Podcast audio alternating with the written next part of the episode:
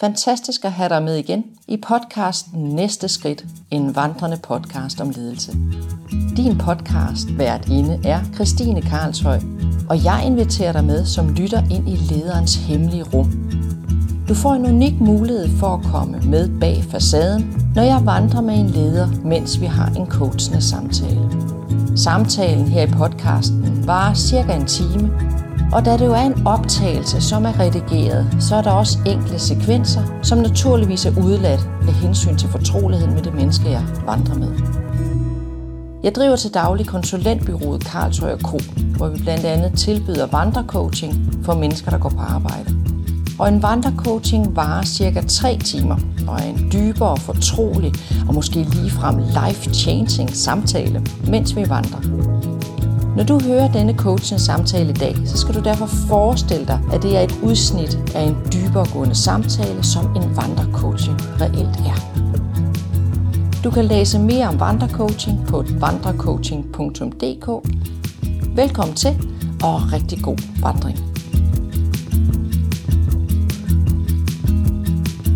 Så hvis jeg går meget med armene sådan her, så Ja, så kan man høre, at du har en jakke på, men jeg ved ikke, om det er irriterende. Altså, man skal også stille sig selv det spørgsmål, hvis man optager en udsendelse eller en podcast, hvor man er ude at gå, så må man også forvente, at der er nogle lyde, ja, man kan kæde sammen med at gå. Jamen, det er jeg fuldstændig enig i. Det jeg bare. Ja. tænker, det er, at der er nogle lyde, jeg godt kan undgå. Altså, jeg havde for eksempel en optagelse sammen med Helen, hvor, øh, hvor min mikrofon simpelthen sidder og rutscher hen over min jakke. Og, Ja. og det var bare sådan en...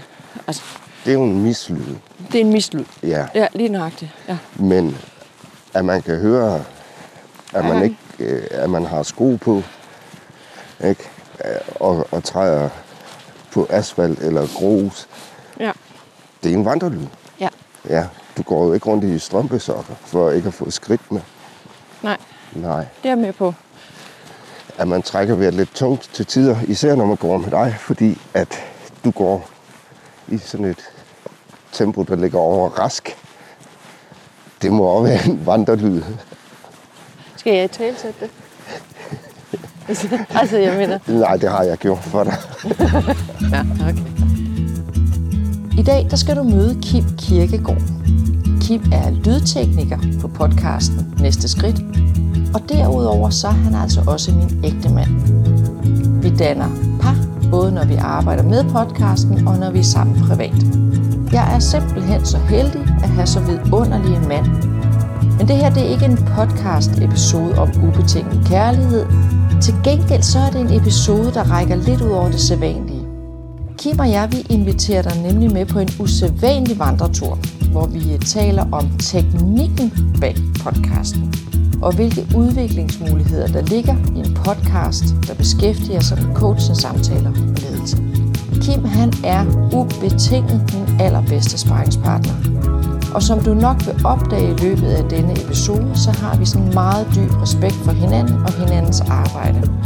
Og det gør, at vi kan tage nogle åbne og ærlige snakke om, hvad der virker, og hvad vi skal holde op med at gøre i fremtiden. Undervejs der udfordrer vi også det tekniske niveau i en podcast, så hvis du er nysgerrig på de lydtekniske overvejelser, der ligger sådan til grund for en podcast, så er der altså guld at hente i samtalen her med Kim. Kim han udfordrer mig undervejs også på selve konceptet for podcasten Næste Skridt. Og det er jeg jo ikke meget for at ændre på. Jeg kan se, at det virker, og jeg er virkelig glad for det, jeg har skabt. Du får også et indblik i, hvorfor Kim er inspireret af både Christian Fuglendorf, Joe Rogan, og hvorfor Dire Straight kan gøre vores podcast bedre i fremtiden. Siger du, at jeg går hurtigt? Ja, du går i, i hvert fald hurtigere end, end, øh, end mit gåtempo. Jeg tror, der er forskellige tempi, folk bevæger sig i. Både kort distance og lang distance. De har deres egen rytme. Og der har du sådan en teknorytme, og jeg har mere sådan langsom rytme. Og hvor, hvad vil man kalde den, hvis det var en musik? Måske øh, Vivaldi. Klassisk. Fire årstider. ja, Slumrer hen mod vinter. ja, Bjørn går i hi. ja. Bjørnen sover. Bjørnen sover. Ja. Når, når du hører de podcast, jeg har optaget med dem, jeg har vandret med, Ja. har det så været en udfordring, jeg har vandret for hurtigt? Nej, Nej? nej. Okay. Så der, der er ikke noget lydmæssigt, der går ind og generer, at jeg har et for stigende tempo i forhold til dem, jeg vandrer med? Ikke lydmæssigt. Nej? Nej, Okay. men jeg tænker på det oplevelsesmæssigt, for den du vandrer med. Hvis du går i et tempo, der ikke passer til den person, du banker med, så tror jeg ikke på, at det vil være en lige så behagelig oplevelse for personen, som det kunne have været. Nå, det er, det er faktisk interessant. Øh, så lige så vel som vi i podcasten snakker om, at, øh, at man skal arbejde med det, der passer til en selv, der ligger en på sinde. Øh, det, som, øh, som jeg selv går og bøvler med, og min rolle er at være den, der understøtter, så skal jeg også med min egen, mit eget vandretempo justere ind efter den, jeg vandrer med. Jeg tror i hvert fald, at det er et lag, man ikke skal underkende. Det Ja. er tempoet. Det, der er interessant ved den her tekniktur, det er, at lige nu der er der jo bare øh, dejligt vejr og ikke rigtig noget vind. Der er lige en flyvemaskine et eller andet sted helt oppe i, mm. i universet. Øh, men, men om lidt, der kommer vi ned til vandet, Ja. og der tænker jeg, at der kommer noget andet lyd. Og det, er i hvert fald nogle gange der, det bøvler lidt, Ja. fordi der kommer sådan en et eller andet ja. ind og overtager. Nu kommer der det. en bil igen. Ja. Så må vi se, om den cutter ud. Så skal du bare tale.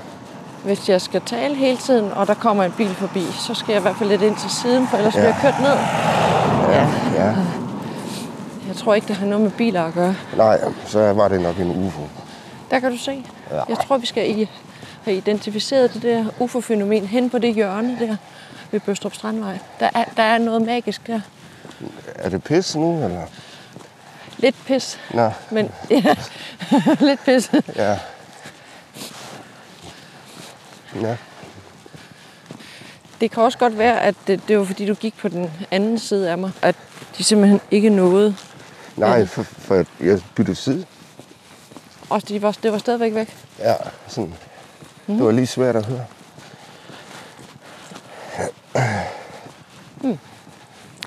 Mm. Men vi kan jo prøve at optage et spøgelse. Det er du jo god til. Ja, Ja, ja. Det Ja. er, ja, det er, det, hvis der er noget, jeg er god til, så er det at gå stærkt og optage spøgelser. ja. Men jeg ved jo ikke, hvornår de er der, for jeg kan jo Ja. ikke høre, når de er der. Kvarter mere i det her tempo, så går du sammen med et spøgelse. Så, vil jeg føle mig rimelig død. Jeg, vi er på vej op ad en bak, måske er det derfor. Ja. Må jeg, hvis jeg nu skruer lidt ned for tempoet. Nej, nej. Nå, okay. Så, så har jeg et tillægsspørgsmål. Ja, Hvordan går det med din træning? det går fint.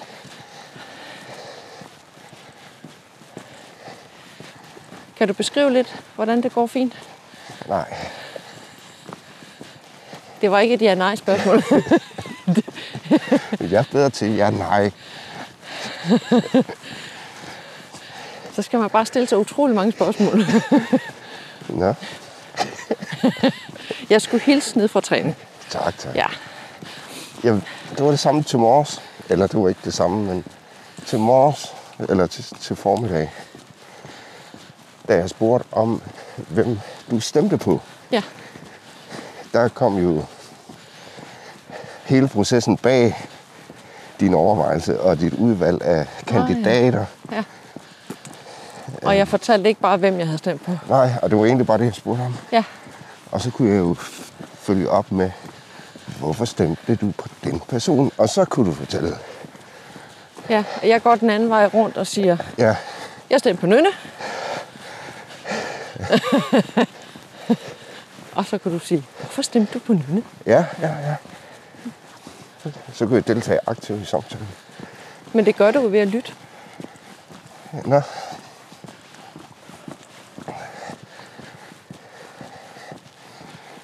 Du, Men, men er det så ikke en monolog? Det er jo ikke en samtale. Det er jo en dialog. jeg spurgte jo dig bagefter, Ja, hvem du havde tænkt dig at stemme på. ja. Så det var jo ikke, fordi jeg kottede af for det. Nej, Jeg tog bare... så det, der definerer en monolog øh, frem for en dialog, det er også noget at gøre med tiden. Ja, ja det tænker jeg faktisk. Ja. Øhm, Det er en meget interessant faktor. Ja, tiden kommer ind over. om, om man giver rum til den anden. Ja, Hmm. Du giver jo mig utrolig meget rum til, at jeg kan tale. ja. Men for eksempel, hvis du spurgte mig om noget, Ja, og jeg, øh, og jeg øh, snakkede og snakkede og snakkede, og brugte en halv time på et eller andet, øh, på et svar og kom vidt omkring, ja. så er det stadigvæk en, en dialog, fordi jeg giver rum til dig om en halv time. Ja, det er sgu et godt spørgsmål. Ja, Måske er der en grænse for, hvor lang tid man vil være lyttende i Jamen, en det er samtale. interessant. Ja. Hvor, hvor længe kan vi kapere at være lyttende, før vi egentlig har noget på hjertet, vi gerne vil sige. Mm. Det er lidt ligesom at sidde i klassen med hånden op. Tag mig, tag mig, jeg skal sige noget. ja, Lige om et øjeblik, så er jeg færdig med at tale. Så kan vi høre, hvad du gerne vil sige, dig med hånden op. Ja. Og så når man bliver ens tur, så har man fuldstændig glemt det. ja, eller også er det ikke relevant længere, Ja. fordi samtalen har Har drejet sig et andet sted hen. Ja, hvor vi før talte om UFO'er, taler Ja. vi så om... Øh, Kommunalvalg. Ja. ja. ja. og så den bemærkning, jeg vil sige med, at jeg har faktisk set en UFO, mens jeg lige har hørt på, at du har stemt på Nynne. Det, den falder jo helt til jorden. Ja. Hmm. Ja, Og så ved jeg ikke, hvad for en log det er, hvis det så er det jo ikke en dialog eller en monolog, men en multilog. det er i hvert fald noget med tid og timing. Tid og timing, ja. Ja, Jeg, t- jeg tænker også, der er noget omkring det her med, om man siger noget, der er relevant for den, det, man taler om lige nu. Øh, at, at få indfald og skøre idéer og noget, der... Jeg kom også lige i tanke om, hvilket jeg jo selv gør tit, øh, høre, føre ud af alle mulige tangenter. Mm. Øh, og det er jo det, der er det sjove, for eksempel nogle af vores samtaler, det er, at, at det stikker helt af nogle gange, fordi vi bare lader det, lader det flyve, kan man ja sige. Ikke? det er fantastisk. Ja, det er nemlig rigtig fantastisk. Øhm, men i en sammenhæng, hvor vi mødes, for eksempel for at blive enige om, hvordan kommer vi fra A til B, eller hvordan, hvad gør vi med den her konkrete ting, der nytter det ikke noget at flyve alle mulige, ud af Nej. alle mulige tangenter. Nej, det er jeg enig med dig. Ja, Og så, så, så den samtale skal jo struktureres på en anden måde. Ja, og hvis der er noget, der irriterer mig, mm. så er det, når, når jeg taler med nogen, så giver jeg personen opmærksomhed. Jeg prøver at være skarp, og jeg prøver at stille skarp på det, der kommer ud af munden på den person. Ja, Og så synes jeg ikke, det er særlig behageligt, at man lige pludselig begynder at snakke om græsk yoghurt. Øh, når, når jeg nu bruger så mange ressourcer på at, at, at stille skarpt og, og være til rådighed for samtalen, mm. eller for, det, for at høre på, hvad personen vil sige, så, så, så vil jeg godt stille det krav til personen, at personen skal være lige så ihærdig i at være skarp med at vælge sin mor, når jeg nu er, prøver at stille skarp på, hvad personen vil sige. Kan det have noget med forventningsafstemning i forhold til, at man træder ind, hvad man træder ind i samtalen med og om? Jeg oplever, at nogen træder ind i en samtale med en forventning om at, at tale, at blive lyttet til, at høre mit argument. Man kan også træde ind i en samtale med, at det her, det ønsker jeg at blive klogere på, og jeg er interesseret i at lytte til, hvad du har på hjertet. At det, det, det er nogle forskellige forventninger, man træder ind i samtalen med. Måske ved man det ikke. Hvem ved det ikke? Ja, men måske ved man ikke, hvilke forventninger man egentlig har til den samtale, man træder ind i. Og, og hvis man ikke har overvejet, hvilke forventninger man har til samtalen, både til en selv og til den anden, så bliver det noget pliderplader nogle gange. Ja, det, det er muligt. Jeg kan ikke lige se, hvad, hvad, om det er forventninger, eller om det er... Jeg er sikker på, at der er en del ubevidsthed i det. Der er nogle personer, de fleste personer, jeg taler med, der, de er sådan relativt gode til at, at holde sig til det, vi taler om, eller holde den røde tråd, eller, mm. og, øh, og taler, fordi de har noget på hjertet, og de taler ikke bare, fordi de gerne vil blive hørt. Ja.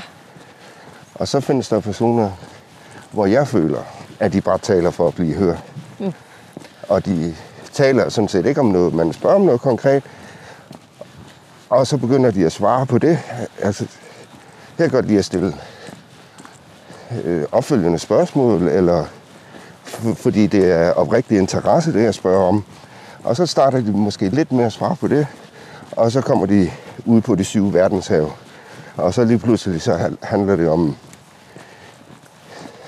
Benny fra Bogense og hans nye grill, hvor man egentlig talte om en knallert, han havde bygget til, eller hun havde bygget til. Ikke?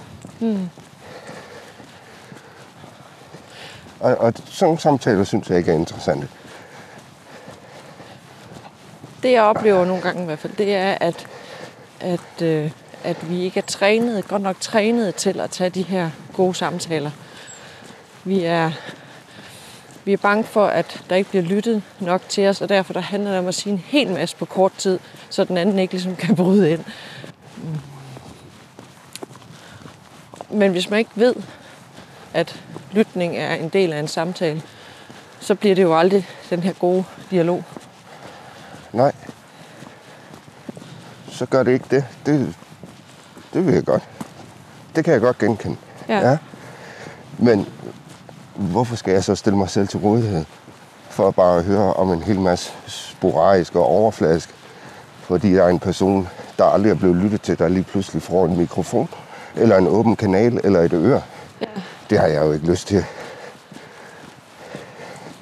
Men siger du fra?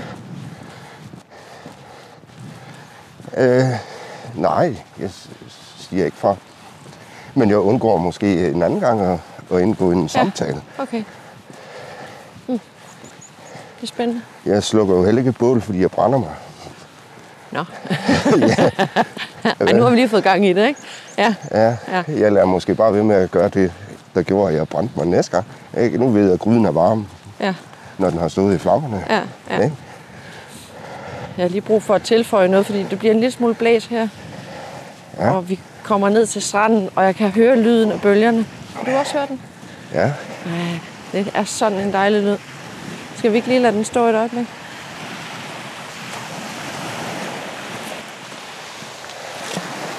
Jeg tror, vi skal gå ud i vandkanten og stå med ryggen til. Ja, det var en god plan.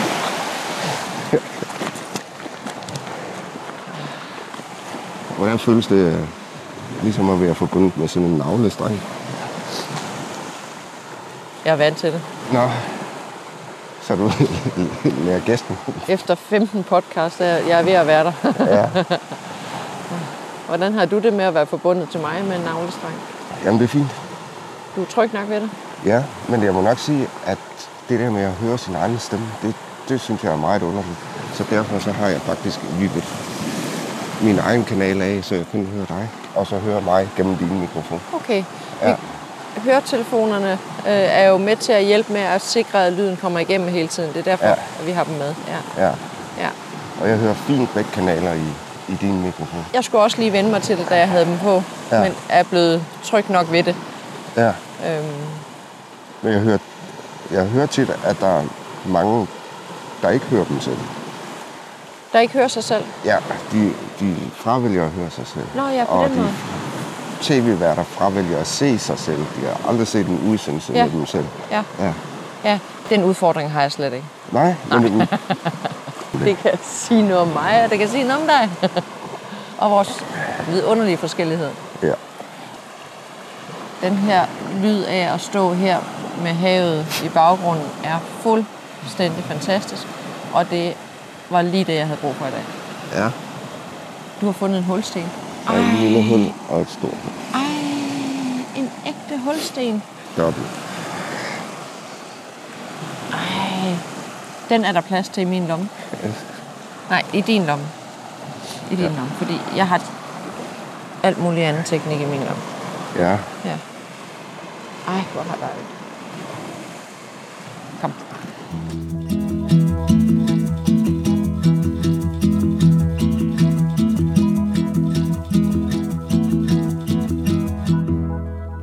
Skifter emne. Er det okay? Ja. Jeg kunne nemlig godt tænke mig at tale lidt med dig om vores tur til Italien. Ja. Øhm, vi talte tidligere på dagen om, at Det her, det, det er svært at gå i navnstreng. i. Ja. er det svært at gå i navlestreng. Ja. Det gør ikke så meget. Fordi at jeg har, jeg har styr på det. det. Det er lidt ligesom at en hund i Ja, ja. Jeg spørger bare, hvem er hunden? Det kan vi skiftes til. Det kan skiftes til at være hunden. Ja. Ja. Du må hellere på dem. ja. Okay, så er jeg hunden. Jamen, jeg kan jeg river det i over. Ja, prøv lige at holde den her.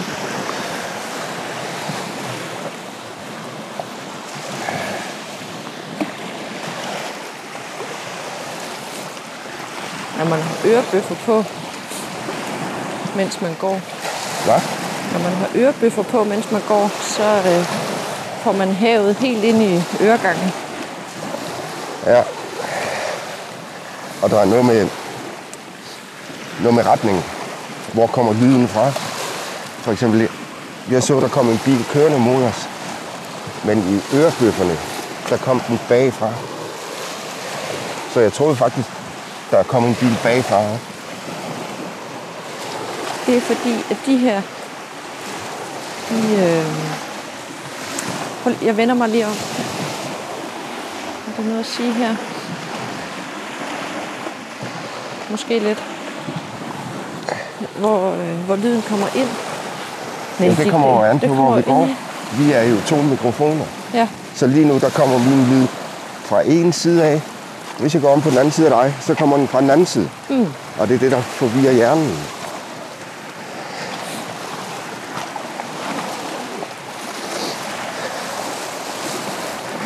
Nu har jeg fået viklet dig ud af hundesnoren.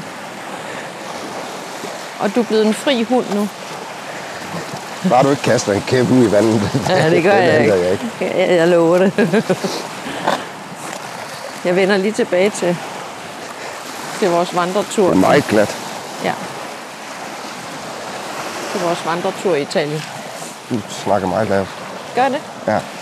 Jeg tror, det er, fordi jeg har fået de her bøffer på nu. Ja. Fordi så kan jeg jo bare høre dig inde i ørerne. ja. det kan du være, kan jeg skal- bare lige hænge dem rundt om nakken. Hvis jeg gør sådan her, så kan jeg være med nu. Mm.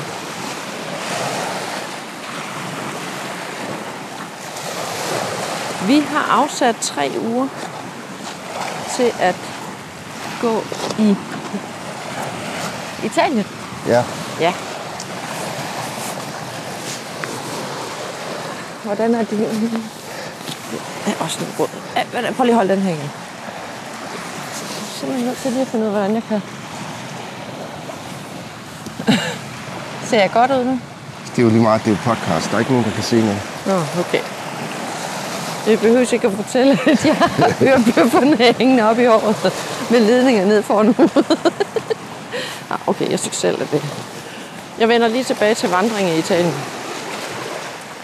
Ja, for tredje gang. ja. Hvilke forventninger har du til vores vandretur til januar? Jeg har forventninger om, at vi går nogle ture og er sammen meget intens. Og så tror jeg ikke, jeg har flere forventninger. At vi går ture og er sammen meget tæt? Intens. Intenst, undskyld. Ja. Er der noget, du tænker, du gerne vil opleve?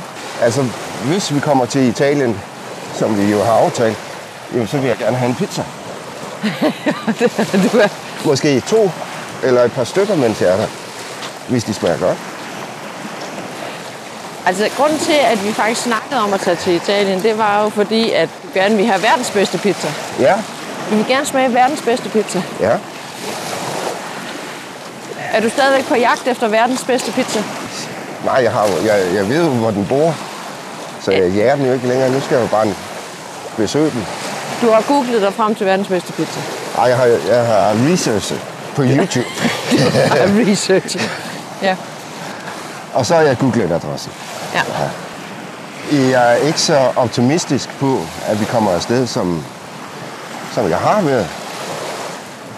Ja, for jeg er ikke sikker på det, øh, corona opfører sig, ligesom vi gerne vil have det. Nå. Så du tænker, der simpelthen kan være et benspænd i forhold til at skulle rejse til udlandet til januar? Ja, Ah. Ja, øh, her de sidste uges tid, der har det jo været stigende antal smittede, og fra i går kl. 6, der var coronapasset genindført på restauranter og barer. hvilket betyder, at vi skal testes igen. Og der har jo været 100 meter lang køer uden for testcentrene. her, Ja. Har jeg set. Ja. Så din optimisme i forhold til, at selvfølgelig kommer vi afsted til januar, den er dalende. Øh, jamen, jeg er jo ikke pessimistisk, fordi Nej. så, ved, så går vi bare en anden tur. Ja, Ikke? Så det er derfor min forventning okay. er at gå sammen med dig og være nærværende. Okay, på Ja. den måde. Ja. Hmm. Og den er jeg sikker på kan indfries, uanset hvor vi går. Sidste år, der gik vi gendarmstien, Ja, fordi vi ikke kunne komme afsted. Ja. Og så tog vi en Danmarks vintervandretur i stedet for her. Ja. En dejlig, dejlig tur. ja, Jeg kan i hvert fald mærke, at jeg havde sådan, okay, det var en virkelig, virkelig dejlig tur. ja. Øhm, men jeg kunne virkelig, virkelig godt tænke mig at få en lille smule mere sol og solskin og lyse timer ja. og ja, lysindfald i, i mit sind og på min krop øh, i januar måned næste år, mm. øh, end jeg fik i januar sidste år. Selvom alting var dejligt. Ikke? Så jeg har Ja. glædet mig virkelig, virkelig meget til at komme afsted. Øh, og jeg har sådan en, en lidt en knude i maven, fordi at det er sådan, så er det tredje aflyste vinter med vandretur. Jamen, det gør ikke noget. Nej, Det er jo lige meget. nå, Det er jo, det er jo bare alt det der udenom, der bliver afløst. Ja. Selve essensen af det, vi godt kan lide, den har vi jo inde i os selv. Ja, altså det at være sammen Ja. og vandre og blive Ja. træt i benene. Og, Ja, ja.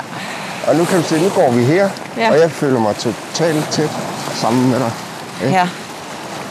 Og så leger vi podcast, hvilket jeg ikke har prøvet før. Ja, Men jeg er i hvert fald opmærksom på ikke at afbryde dig, for det lyder ikke godt. I en podcast, der taler man ud, og så giver man lige rum til den anden, får lov til at kommentere på det, man har sagt. Mm. Og hvis der ikke er noget, så kan man tage samtalen op igen selv. Så ja. hvis hele verden lavede podcast, så tror jeg, at verden ville være et bedre sted Og samtale. ja, at bo i eller være i. Ja. Altså, jeg er jo ret vild med, og det var også det, der er meningen, at vi taler om det her teknik, fordi at vi tester af, hvad, hvad er lydniveauerne, og hvad er det, vi kan, og, Ja, og hvad virker, og hvad virker ikke, og sådan noget. Jeg er ret vild med din tilgang i forhold til, at teknikken handler om, om samtalens kvalitet. ja. Prøv at sige noget mere. Jamen, øh, netop som du siger, at, at samtalens kvalitet i en podcast bliver bedre, når man for eksempel ikke af- afbryder hinanden. Ja, Øh, du var også inde på det der med, at der er forskellige måder at stille spørgsmål på. Hvor Ja. jeg siger, jeg kan godt lide, du ved, bla bla bla bla bla, og snakke en hel masse om det, jeg har på hjertet. ja, Og du kan godt lide at få et svar på de spørgsmål. ja, øhm, så det, at vi har forskellige tilgange til spørgsmål, bliver jo tydeligt, når vi ved, når vi, når vi er omkring, hvad er et spørgsmål. ja, Øhm, og hvordan lytter vi? Hvordan taler vi? Ja. ja. Og hvordan er et svar? Hvordan er et svar? Mm.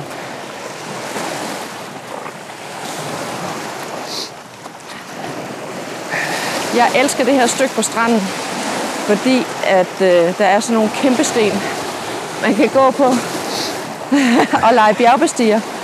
Ja, ja. Så den her lille snært af bjergbestigning, der, der er her. Sidst vi besteg bjerge, det var i Spanien, hvor vi var nede i appelsinplantage og gik op ad nogle voldsomme skråninger. Og lige nu der er du lidt stille, kan jeg høre, fordi du er ved at bestige et bjerg. Oh, dit ene ben svigter. Skal du have en hånd? Nej. Nej. Ui.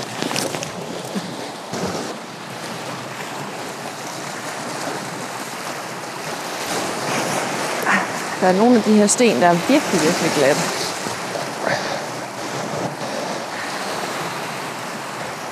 Og meget, meget smukke. Hvad har du fundet? Nej, hvad er det? Hey, der er en gravsten. Ja, Der er altså nogle stykker af de der polerede sten lige på det stykke her. Det er sådan lidt vildt. ja, Spørgsmål, der står noget. Ej, de der rødder, de er fuldstændig ja. Invaderet. Ej, hvor er den smuk. Men det er sådan mit tricks, når vi er ude at gå, og jeg er ved at blive for, for boostet, og ikke vil erkende nederlag, så finder jeg en sten. Ja, det er smart. Ja, og jeg har allerede fundet den næste. så lad os komme videre. Og sådan fortsatte de vandringen gennem mange timer i bjergene. Hov, Kim fandt den ene sten efter den anden. Hov, nu har han allerede fundet en. Hvad er der der? der er simpelthen øh, huller i. Huller. Det er. Der er simpelthen nogen, der er flyttet ind i stenen, eller hvad? Jamen, der er nogen, der har lavet hullerne.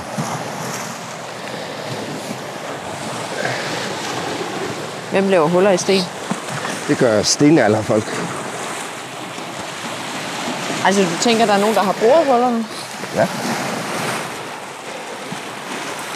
Det kan være, det er et piktogram. Ja, det kan. Kan du se den næste sten? Den ligger lige der. Den er også poleret. Ja, Eller, sort granit. ja. Det har været øh, et eller andet. Men det er da en grav. Ja, men måske har den hængt sammen med den der. Det er muligt. Ja. Men det er sjovt, den ligger her. Ja. Det er jo ikke sådan en, der lige sådan ruller hen ad havbunden, ligesom de andre granitsten, der er, der er runde. Det, Ej, det, er jo en flad. ja. Jeg tror, sten. mange af de store sten, der ligger her, er nogen, der er- kommer ud fra marken. Åh oh, ja. Altså som marksten. Nå. Men det kan også godt være stenbunken, som er blevet vippet af hernede. Ja. Ikke? Øh, vi har også en stenbunk nede bag ved huset. Ja. Og hvis vi gerne vil af med den, så var der et meget fint sted at lægge den hernede på stranden. Ja. Vupti, lige ud over kanten. Sådan, ups. Ja, ups, ud over markkanten, Okay, skråningen, svup, så var der sten på stranden. Ja, Ja. Så man må ikke lægge sten på stranden. det ved jeg faktisk ikke. Jeg har Nej. ikke set nogen regulativ om, at man må lægge sten på stranden. Der er vel noget med, hvor meget man må tage med hjem. Af sten. I, altså, du Og må, i sand, ja. du må i princippet ikke køre din trailer ned og så tømme stranden for, for sten og sand, hva'? Ja, man må godt tage det tang, der er skyllet op Ja. Men du med må, en trailer. med en trailer. Nå, på den måde. Er det fordi, man ser tang som... Okay, nu forstår jeg. At man ser tang som affald, som du gerne må hente på stranden. Det kunne være, at vi skulle skrive det på vores to-do-liste og hente noget tang på Nej, stranden. det gider jeg simpelthen ikke. Det gider du ikke? Nej. Nej. Godt. Vi har så meget andet næring. Det er godt nok øh, ikke særlig podcastvenligt, det her. Det ligner livets udfordringer, som vi går i. Store sten, små sten, vildt hav, meget tang. Vi skal bare hen til den der bøje derhen. Så kan vi gå op, op på stranden igen. Det her minder mig lidt om nogle af de første podcast, jeg optog, hvor jeg havde så meget snotnæs, fordi vi gik udenfor om vinteren. Og man kunne, det eneste, man kunne høre, det var, Christine sagde, Ja. Dem har jeg klippet mange af også. altså de der snøft. Ja. Men er det ikke også det, man bruger lydredigering til? Altså, en ting er, som du siger, som jeg måske ikke lige havde øhm, tænkt på, det der med at være nysgerrig på, hvordan en samtale den sådan forløber. Men noget andet er jo også at gøre samtalen lidt lækker, så man ikke skal forholde sig til snøft og prut og, og wiu, wiu, eller hvad det nu er. Det kommer an på, hvad lydbillede man søger at opnå. Ja, Og Og- det, det ligger sådan lidt i uh, designbordet på den, der optager podcasten. Der, der er man jo nødt til at gå ind og spørge, hvad tankerne er omkring podcasten er. er det, hvad skal den bruges til? Hvad er det for et type menneske? Hvad, hvilken målgruppe skal høre den? Man kan jo sige, hvis målgruppen var 12-18 år, Jamen, så bruger man der og bøvser og snøfter måske. Så vælger man jo ikke at klippe det væk. Men, men er, er det sådan mere moden målgruppe? Øhm, måske nogen, der godt kan lide klassisk musik eller jazz. Så kæler man også lidt mere for lyden, og lyd er jo ligesom en køkkenhave. Så fjerner man noget ukrudt eller nogle mislyde. Og, og ukrudt er jo den der kliché med, at det er en plant, der vokser uønsket sted. Ikke?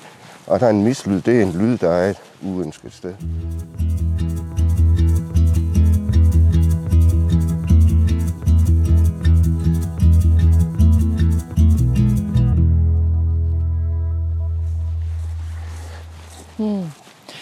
Så alt efter hvilke podcast man gerne vil have, og alt efter hvilke Ja. stil, hvordan designet er, så Ja. kan man klippe snøft og prut ud. Hmm. Det er lidt ligesom musik. Ikke? Der er jo ikke kun én slags musik. Der er rock, og der er jazz, der er forskellige typer af musik. Og, og når du kigger på designet af, af, af podcasten, som du redigerer, Ja. hvad, hvad leder du så efter? Hvad er det, hvad er det du tænker, der, vil, der er det optimale, eller der understøtter de vandrende samtaler bedst muligt? Der, er- der er nogle overordnede ting, der, der står højt på næste skridt podcasten. Det ene er, at lyden skal være autentisk. Mm. Og det andet er, at lyden skal være behagelig. Og der er vindstøj. Vindstøj. Ja, det vindhætten ikke kan tage. Det er ikke særlig rart at få med i podcasten. Det plejer jeg at klippe ud. Mm. Og så er der host og snøft. Det synes jeg heller ikke egner sig til den podcast. Selvom det også er autentisk at snøfte. Ja. Man burde have meget fokus på indholdet i samtalen. Så skal der ikke være alt for meget, øh, der distraherer en. Med, med næste skridt øh, har jeg opdaget i hvert fald, at du kan jo høre den samme podcast tre gange, og du kan blive ved med at finde noget nyt i den. Og så skal den være autentisk, I lyden. ja, Ja. og der må ikke være for meget, der distraherer. Det må godt være sådan lidt, lidt ren. Der skal ikke være for mange kanter. Øh, Og Det minder mig om, at jeg havde en fantastisk samtale med Ole. Ja. Og vi gik en dejlig tur rundt om Langesø, søen. ja, Og, øh, og det var frost og vinter, og ja, det var fandme en lækker tur. Og vi kravlede op og ned mellem træerne og grinte og fik, altså jeg havde en virkelig skøn samtale.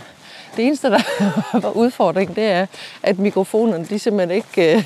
Øh, øh, ja, senderen kunne ikke modtage signalerne, fordi vi var for langt fra hinanden og stod med ryggen til at glide ned af, af væk. Ja. Hvad hedder det? Klitterne der, ja. ja. Ja, det var, det var sådan. Men det viser også bare, at selvom udstyret er i orden, og tingene fungerer, og det er en fed samtale, så er det sgu ikke altid, at den, øh, at den kommer med, fordi at, øh, at Nej. der lige er noget, der glipper. Ja. Ja. Ja. Christian Fuglendorf, han har en podcast, der hedder Hvad så? Hvor han vandrer rundt med mennesker også, og bare samtaler. Og han har også måttet optage nogle podcast om. Er det fordi rigtigt? han havde glemt at tænde, eller... Yes! Ja, men han, på den måde, så så er, det, så er der noget parallelt i næste skridt og Christian Fuglendorf, fordi det handler om at gå, og det handler om at samtale. Mm. Men det er jo et helt andet lydunivers, han har, Fuglendorf. Og han er et helt andet menneske. Mm. Og den er meget mere rå og kantet og, og, og sådan mere tilfældig. Hans formål, det er bare at, at samtale. Kim, med, med det, du har hørt mange forskellige podcast, ved jeg. Ja. Øh, og er der noget, du ligesom øh, læner dig op af, eller nogen, du synes, der er virkelig fede med hensyn til, til, til lyd og form, som, som du har ladet dig inspirere af i forhold til at lave, øh, eller lave lydredigering på næste skridt? Nu nævnte du Christian. Ja, øh, Der kommer lige en dejlig Hej. Hej. Oh.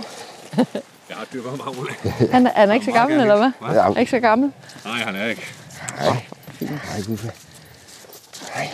Hvor er du fin. Hvor er du fin. Ja, vi har også en derhjemme. Han er bare så gammel, så han ikke kan gå mere. Ja.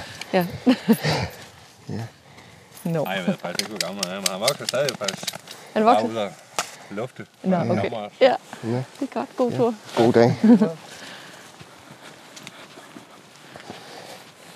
Vi mødte en hund og en mand. Og vi er bare ude i nowhere. Ja. Langeland nowhere. Hvor kom du fra? Jamen, øh, jeg spurgte dig, hvad du var inspireret af rent teknisk. Og så sagde du faktisk, at du ikke var inspireret af Christian Fuglendorf.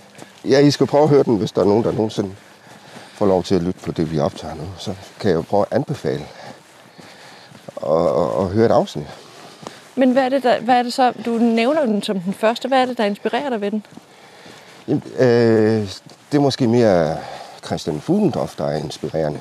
Det er okay. mere personen og hans øh, mod til at blotte sig med de udfordringer, han har i livet. Altså, og øh, hans øh, depressioner og øh, stofmisbrug. Og øh, han udleverer sig selv og fortæller, at han har fået tilbagefald og kom til at ryge has i går. Og, og det er ret inspirerende at, at høre et menneske, der er så åben.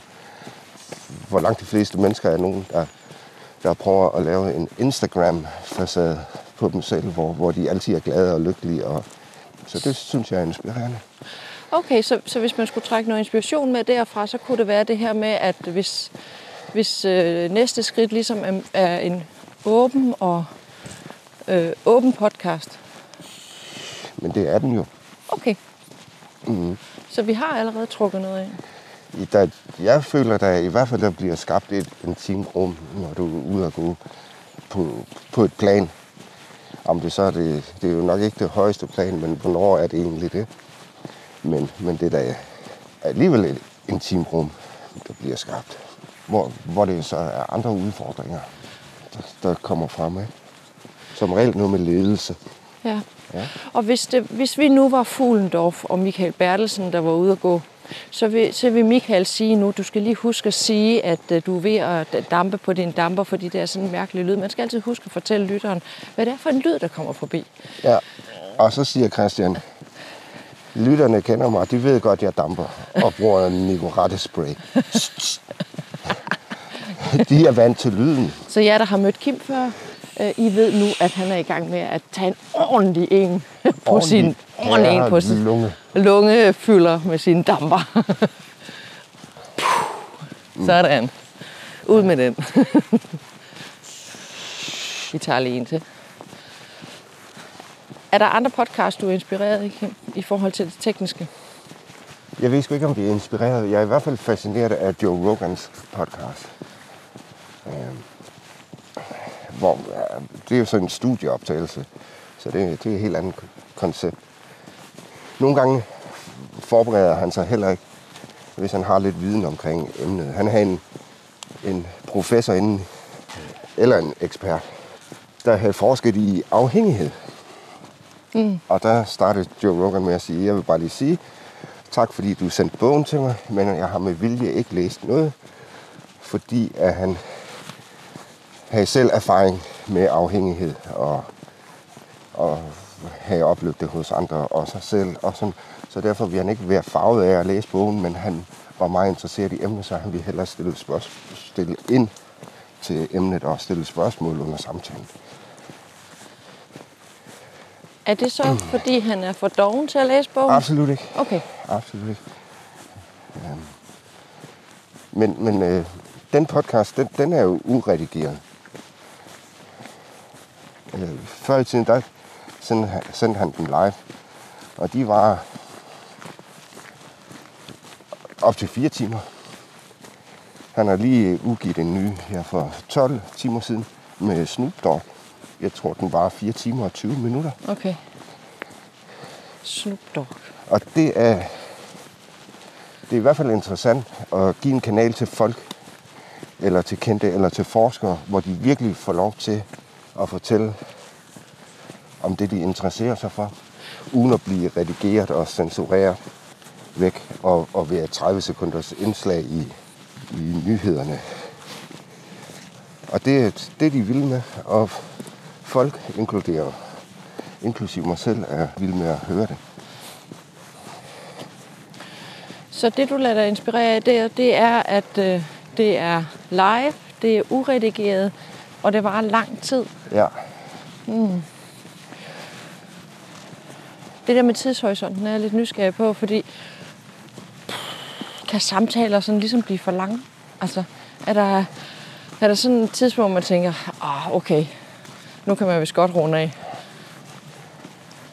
ja, når han skal nå noget, Joe Rogan eller gæsten skal nå et fly. Ja, Ja, så virker det naturligt, naturligt Ja. at runde af. Ja. Ja. Men, mm. men det er jo et an, en anden slags indhold, der er. Øhm, det, det er mere let at lytte på, selvom det er, selvom det er mange gange videnskabelige baseret samtaler. Men der har øh, Joe en, en fantastisk nysgerrighed. Og han stiller nogle fantastiske spørgsmål. Og han er ikke bange for at spørge forkert, eller spørge barnligt, eller, eller stille forkerte spørgsmål, eller ikke vide nok om emnet. Han spørger simpelthen ind, indtil han forstår, hvad det er, de mener. På nær, da der var en professor inde i kvantefysik. Det var svært at forstå. Men det er der vist ikke nogen, der forstår. Okay, så selv Ja, Joe Rogan, der var lige en svamp herovre. Undskyld, Ja. lige... Jeg skal lige over og kigge og se, om det er noget, der kan bruges til noget. Det er det nok ikke.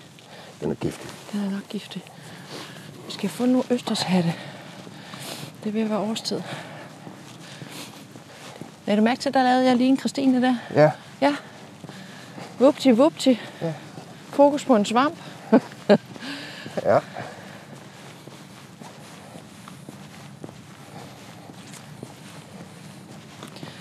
Du siger, det er en anden slags samtale, han har, så derfor der, den er lettere, og den kan vare i længere tid.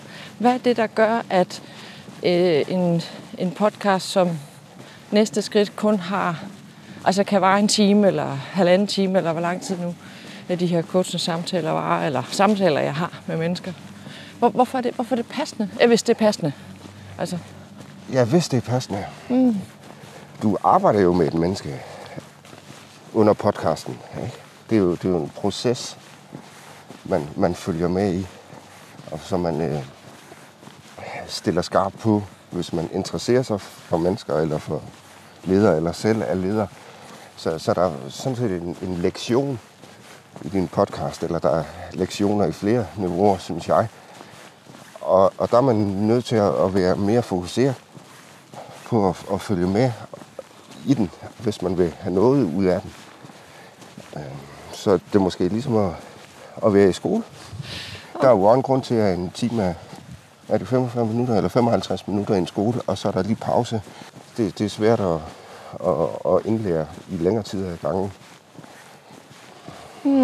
så, så hvis man ser episoderne som en læringsseance, så, så passer det med den, der lytter, Ja, øh, i forhold til at få noget nyt med. Fordi grund til at spørge, det er, for nylig, der snakkede jeg med en anden coach. Og øh, hun var nysgerrig på, på, hvad vi lavede. Øhm, og, og noget af det, hun sagde... Giv mig en surlig lidt. Øhm, hun var nysgerrig på, øhm, hvorfor jeg ikke kom i dybden. Og jeg synes, det var sådan et fedt spørgsmål. Hun siger, Ja. du skøjter hen over overfladen. Øh, når du har en time samtale med et menneske, så kommer du ikke i dybden. nej, Nej. Øh, og og, og det, det er fuldstændig korrekt. Vi kommer ikke i dybden i forhold til nogle af Nej. de problemstillinger. Men det, men det, jeg tænker på, det er, at de samtaler, hvor jeg kommer i dybden, der, øh, der har vi måske to eller tre timer sammen. Når jeg er ude og vandre med nogle i tre timer, så, så løber vi jo også, kan man sige, det hele igennem og kommer hele vejen rundt.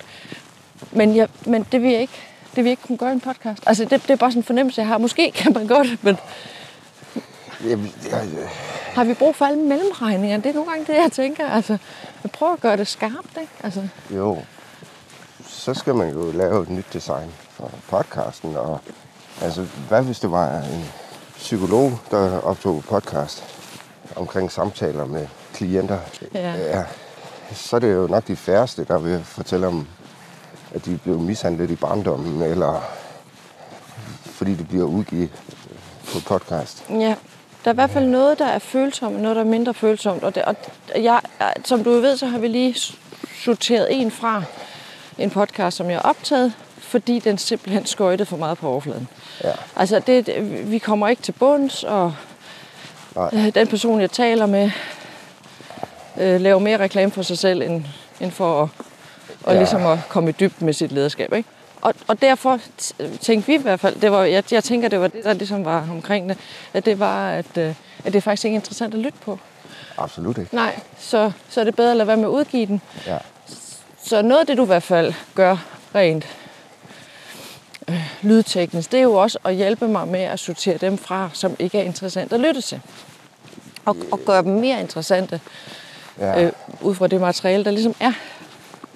For alle dem, der stiller op, altså alle dem, jeg taler med, det er jo modige mennesker, som, som på en eller anden måde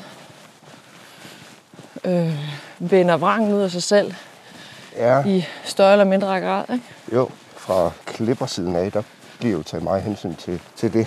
Jeg har jo klippet meget materiale ude, hvor, der, hvor personen har været så fordybet i samtalen, at, at der bliver sagt nogle ting, som jeg ikke selv ville have frem, hvis det var mig, der sagde dem. Mm. Og så af hensyn Til folks ægteskab og øh, ansættelser og andre gode ting.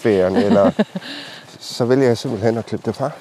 Øh, Jeg vil have det dårligt med, at- med at det kommer ud, og det handler jo ikke om at, at udstille, og, men, men det handler om samtalen. Kan vi lige tage et minut, hvor vi ikke siger noget, og så bare lige går? Ja. For der er noget med lyden på min jakke, at du skal klippe ud lige om lidt. Men jeg tror ikke, jeg kan klippe ud i hele podcasten. Nu har du i hvert fald lyden af jakken. Den, den, den lyd, som er irriterende, og det er, når jeg bevæger armen. Jeg skal ikke have den her jakke på, når vi laver podcast. tak til Freja for den flotte, flotte, flotte, flotte røde jakke, ja. som jeg skal bruge til at være varm om vinteren. Den dur desværre ikke til at optage podcast. Og det gør. Gør den det? Vi tager bare et tæppe og ruller sammen og holder under armen. Nå, ja. Så ser man mig gå. Du har trænet dine, øh, din, hvad de muskler. Ja. ja. Nå. Christian Fuglendorf har, var ude at gå med, jeg tror det var Trine Dyrholm.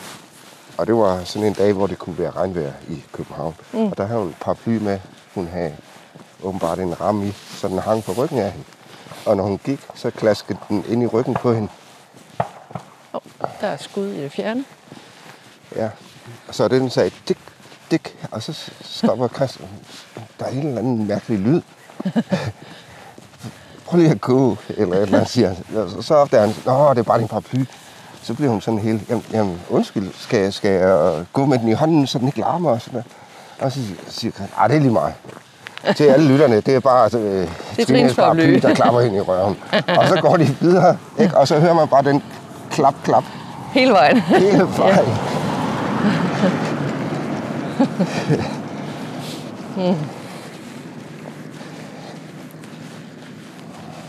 Men var det også vi? Nå jo, øh, det var i podcasten med Mette, øh, hvor vi hører en, hvor vi hører regnvejr.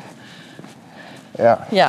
Det, og men, det regnede. Men det var en af dem, der det var faktisk en af dem, som, også blev hjemme. Øh, som også blev hjemme, ja. ja. Og der var der regnvejr og regnvejr og regnvejr. Vi havde paraplyer med. Ja. Og det der spil af regn på paraplyer er sådan en fantastisk lyd. Men den var mere fantastisk i virkeligheden, den var, den var for optagelsen, fordi man ja. hører bare der... Du, du, du, du, du, du, du, du. Ja. ja, det er sådan ligesom, når, når, når, mange gange, når vi har været ude og vandre, og så er vi blevet helt lamslået af udsigten over en kløft, eller stået ja, op på... taget. Ja, ja, og så, åh, jeg skal have et billede af det her, fordi det er bare så flot. Ja. Og så når det kommer ned på telefonen, så kunne vi lige så godt have lavet at tage billede. Ja, fordi man kan slet ikke få det med, som, som var der. Og det er jo det, der er så pisse svært med lyd, ikke? Altså, hvordan er det, man får den der fornemmelse, stemning, øh, optagethed, nærhed med i, på lyd, som, øh, som om man var der selv. Altså, det er jo det, der er så fantastisk. Og, ja. det, og det er derfor, at lydredigering er så sindssygt vigtigt. At det ikke er bare... Altså, hvis det var mig, der lavede redigering af lyden, så... Øh, ja, så skulle de nok have stillet ind på en anden kanal. ja. Mm. Mm. Er der andre, du er inspireret af? For jeg ved, du har noget med det tekniske. Altså, der er jo et eller andet, du gør, som, som nogle andre har gjort, eller du har lært et eller andet sted. Jamen, jeg tror, jeg er inspireret af alle. Også af musik. Ja, det var faktisk Gode det. indspilninger. Ja. Dire Straits, de har altid været gode til at, at få god lyd med i deres plader. Det er en super indspilning. Hvordan kan man sammenligne musik og podcast? Nærvær. Følelsen af nærvær. Mm. Kan, kan du forestille dig, at du lige står hen mellem højtalerne og spiller, og de er tæt på, så er det som regel fordi, at der er gjort noget ud af lyden. Mm. Verden mangler god lyd. Ja. Det er ved at blive en mangelvej i hvert fald, med alle de der små Bluetooth-højtalere og boom blasters og, og MP3-filer og Spotify-komprimering. Så det der med at finde, finde en vinylplade, der er rigtig godt indspil på en god pladespiller med en god forstærker. Og sidst, men vigtigst, et par rigtig gode højtalere. Mm. Og så mærke, at man bliver omsluttet, forkælet og berørt af lyden. Det er i hvert fald noget af det, jeg har mærket sammen med dig. Udover at jeg holder virkelig, virkelig, virkelig meget af dig, så har du i hvert fald været med til sådan at åbne mine ører for, for lyden. Ja. Det der med at placere mig. Du har placeret mig i rum og sagt, prøv lige at, at mærke her. Ikke? Ja. Og så har du kommet med en lyd til mig, som du ved, bare sådan går ind, og det er fuldstændig lige meget, hvem kunstneren er. Ja, altså, ja. Hvad, hvad, om det er klassisk eller ja. heavy metal, eller hvad, det er. Men det der med, at der kommer en lyd, som man får helt ind under huden, og tænker, Ej, ja. ja, tak. Ja. jo. Øhm, det er rigtigt. Den, den kan jeg faktisk godt føle. Jeg aner ikke, hvad du gør, og hvad det er, der virker. Men øh, jeg, jeg kan mærke, at det øh, føles rart.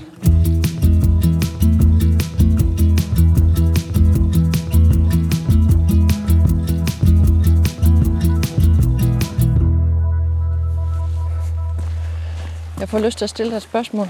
Og det er ikke et spørgsmål, du kan svare ja nej på. Desværre. Ja.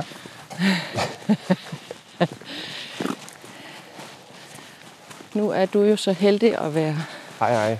Hej, Det var naboen det var naboen. i vores boble.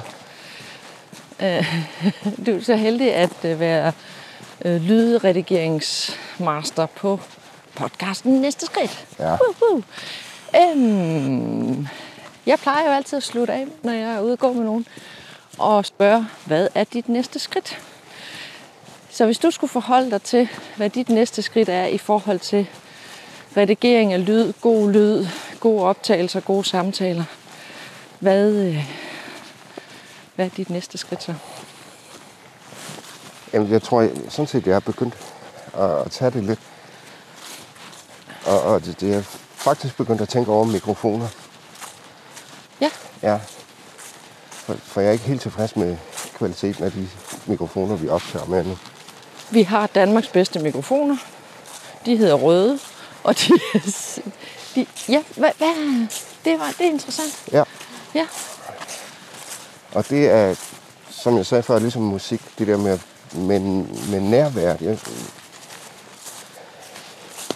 nu skal jeg jo ikke dis disse de røde. øh, næste skridt podcasten og min egen redigering.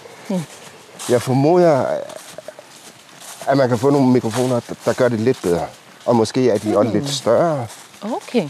Ja.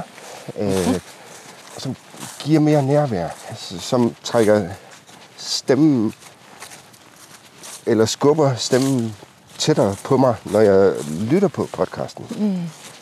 Og det er ikke alting, man kan redi- redigere sig fra. Man kan ikke redigere sig fra dårlig udstyr, for eksempel. Altså, hvis- optagelsen er dårlig, så kan man ikke lave den om til et Dire Straits album. Nå. Så jeg er i hvert fald begyndt at rumle lidt på det med mikrofoner. Ja. Bety, Men det, det gør jo ikke indhold bedre i podcasten. Nej, at der kommer nye mikrofoner. Ja. Nej. Jeg kunne godt tænke mig nogle nye mikrofoner. Okay. Jeg prøver at snakke lidt med indkøbschefen.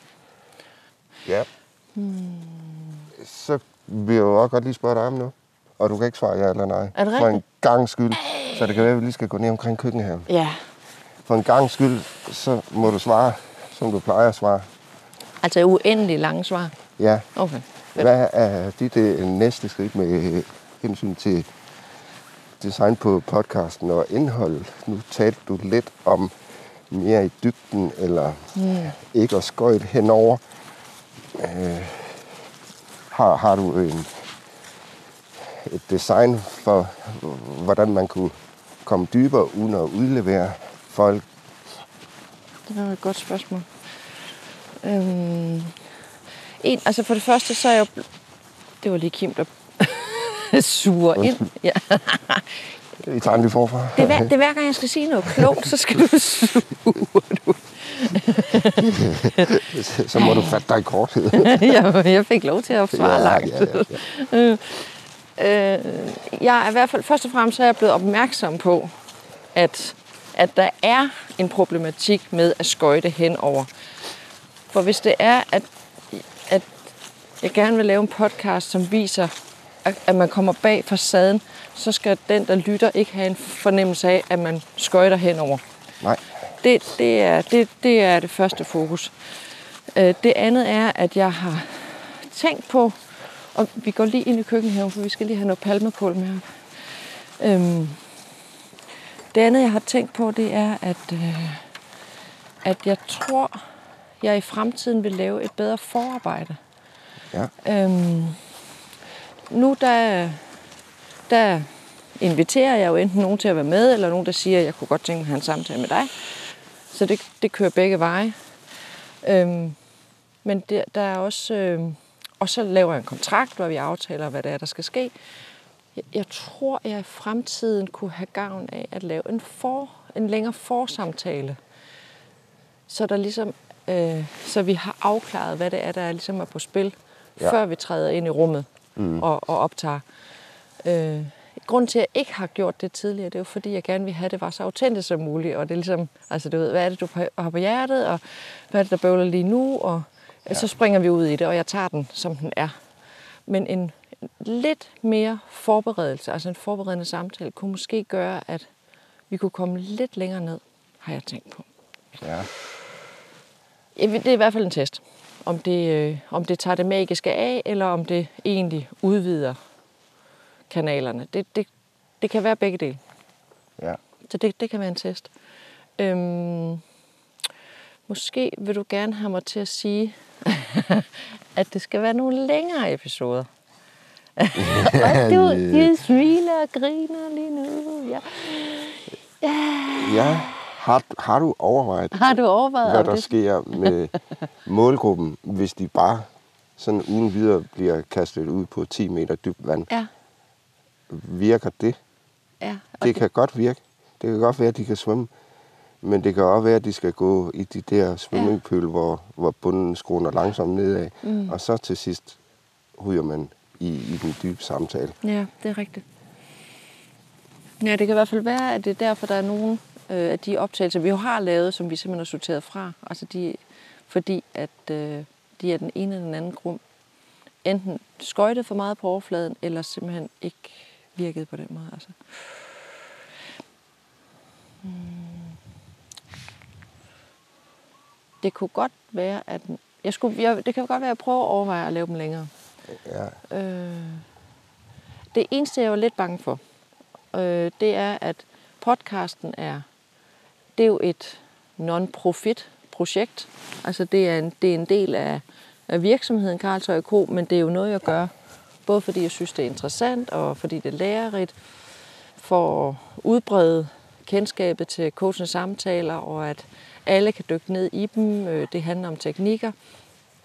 Øh, men jeg har, jo, jeg har jo selv nogle varer i butikken, jeg sælger. Blandt andet vandrecoaching, som er nogle tre timers vandreture, hvor vi kommer hele vejen rundt. Hvis jeg nu laver nogle meget lange podcast, er det så det samme som at lave en vandrecoaching? Laver jeg så mit eget produkt, som jeg normalt sælger, til en gratisvare, man kan høre? Forstår du mit spørgsmål? Eller min... Ja, men, men det gør det jo. Men det gør jo ikke noget. Nej, nej, Nej. det er interessant, ja. Og, og det, For jeg kan jo ikke, øh, hvis jeg som leder har en udfordring, eller som menneske, og vi har en, en, en vandrecoaching, så kan jeg jo ikke høre om, om Bjørn Søborg fra Aalborg, og, og så kopiere samtalen, og så øh, hjælpe mig med mine egne udfordringer. Jeg er jo stadigvæk nødt til at, at tale med en coach. Så jeg skal ikke være så bange for at lave nogle, der er lange og dybdegående, hvor man kommer helt under overfladen. Absolut ikke. Nej. Hmm.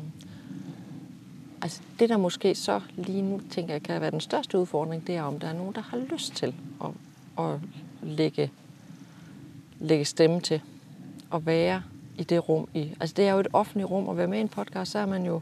Ja. Altså hele verden kan høre en, selvom det jo ikke er hele verden, der gør det, kan man sige. Men man har i hvert fald fornemmelsen af, at, eller muligheden for, at, at både ens leder og ens nabo og ens kone kan, kan høre, Ja. hvad man har sagt. Jeg tror, det ville være lettere at få folk med, hvis de fik lov til at fortælle om den nye bog, de har udgivet. Ja. Ikke? Det er jo det er et helt andet koncept. ikke? Og dem Ja. er der jo virkelig, virkelig mange af Det i er der de podcast. nemlig, Ja. ja. Men jeg tror ikke, det er umuligt at få folk med. Det handler måske om at knække en kode. Ja. Mm. Mm.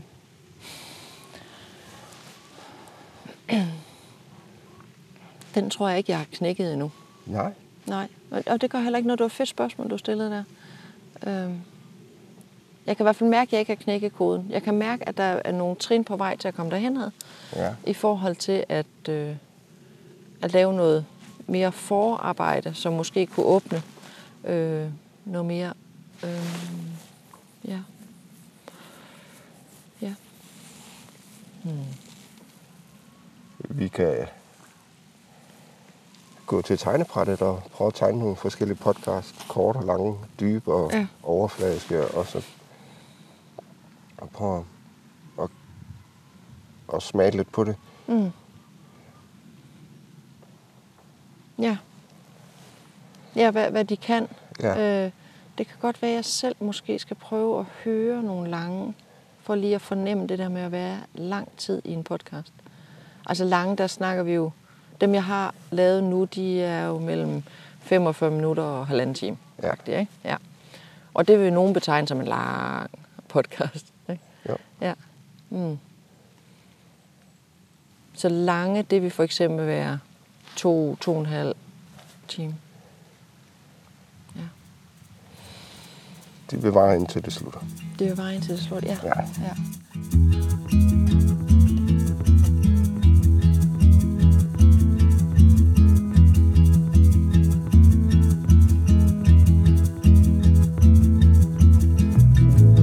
Podcast, den varer indtil den slutter. Det må simpelthen være mantraet for podcasten Næste Skridt i 2022. En god coachende samtale er styret af en game master. Altså det er den, der er masteren på gamet eller masteren på samtalen. Og det samme gælder for en podcast. Og hvis samtalen ikke er slut, ja, så er podcasten så heller ikke slut. Jeg er selv sådan en langsnakker, og jeg har rigtig mange ord i mig. Og det burde jo ikke være noget problem at lave længere podcast i fremtiden. Jeg vil gerne prøve konceptet af sammen med dig som lytter. Holder det? Kan vi holde til det? Er koncentrationen slut efter 45 minutter, og så ringer det ud til frikvarter? Eller kan vi lige klare en dobbelt time inklusiv frokostpause i et hug? Jeg glæder mig som altid vildt meget til det nye år, der kommer, og jeg er allerede i gang med at forberede nye optagelser med modige ledere. Årsskiftet byder også på mine egne refleksioner om udvikling af min virksomhed, Karlsøj Kro. Jeg bruger dagene omkring nytår til at visualisere mit nye år, og jeg blandt andet laver et vision board, jeg sender nogle tanker mod himlen, og jeg trækker et par magiske kort med gode budskaber. Det er simpelthen blevet en tradition her i butikken, og jeg kan se, det virker. Jeg glæder mig meget til at præsentere mange flere fantastiske podcast-episoder for dig i 2022.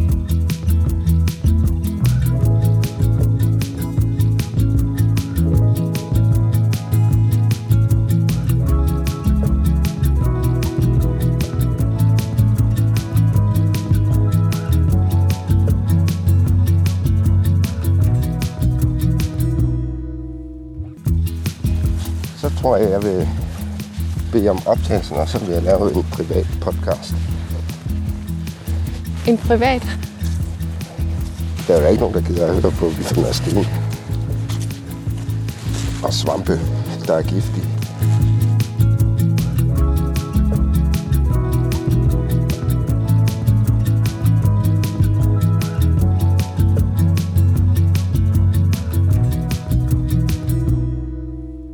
Har hørt Næste Skridt, en vandrende podcast om ledelse.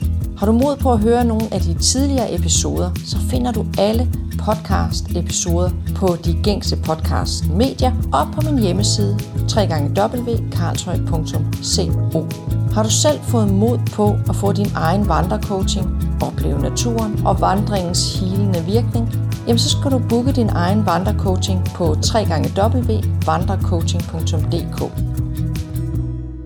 Vandrecoaching er en 3 timers dybdegående vandring, hvor du og dit lederskab er i fokus.